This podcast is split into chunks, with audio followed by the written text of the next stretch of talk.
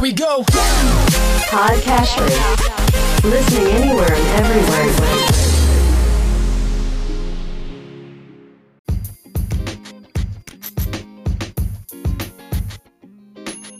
Welcome to Weekly Investment Podcast bersama saya Ferdian Syahputra dari Ispring Investment Indonesia untuk Prudential Indonesia.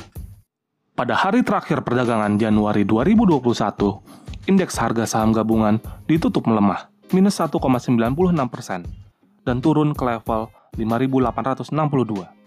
Penurunan ini dipicu oleh turunnya saham-saham berkapitalisasi besar seperti Bank BRI, Bank Mandiri, Astra Internasional, dan Telkom Indonesia yang turun cukup dalam, mencapai sebesar minus 3 hingga minus 6 persen. Pergerakan IHSG hingga pada hari terakhir perdagangan Januari 2021 yang lalu menandakan penurunan berturut-turut selama seminggu. Sejak hari Kamis 21 Januari 2021 kemarin dengan penurunan mencapai minus 8,6 persen.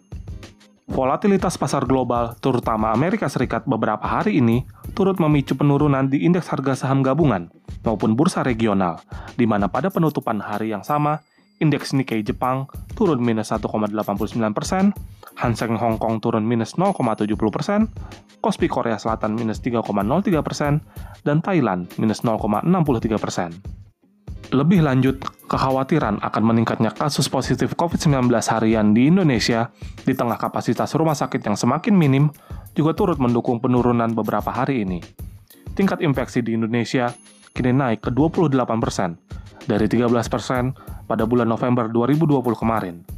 Ditambah lagi, tingkat keterisian ruang ICU dan isolasi menjadi semakin padat, dengan kini berada pada level 84 hingga 86 persen.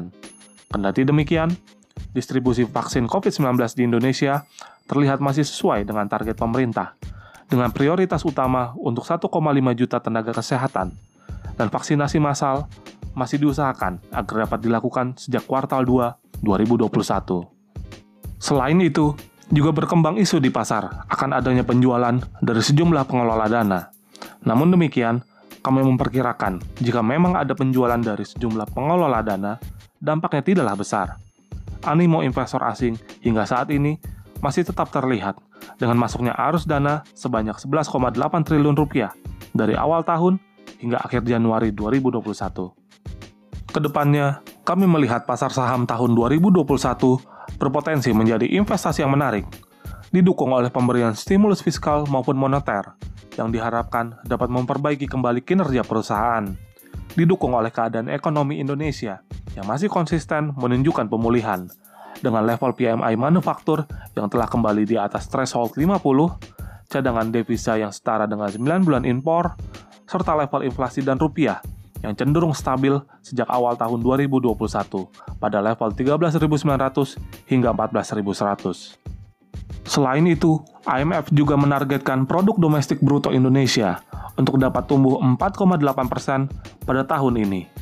Kendati demikian, kami melihat risiko volatilitas tetap ada, terutama dari perkembangan situasi COVID-19 dan persetujuan stimulus di negara-negara maju, terutama Amerika Serikat. Demikian Weekly Investment Podcast mengenai menyikapi volatilitas yang tinggi pada pasar saham dalam beberapa waktu belakangan. Semoga bermanfaat dan salam investasi.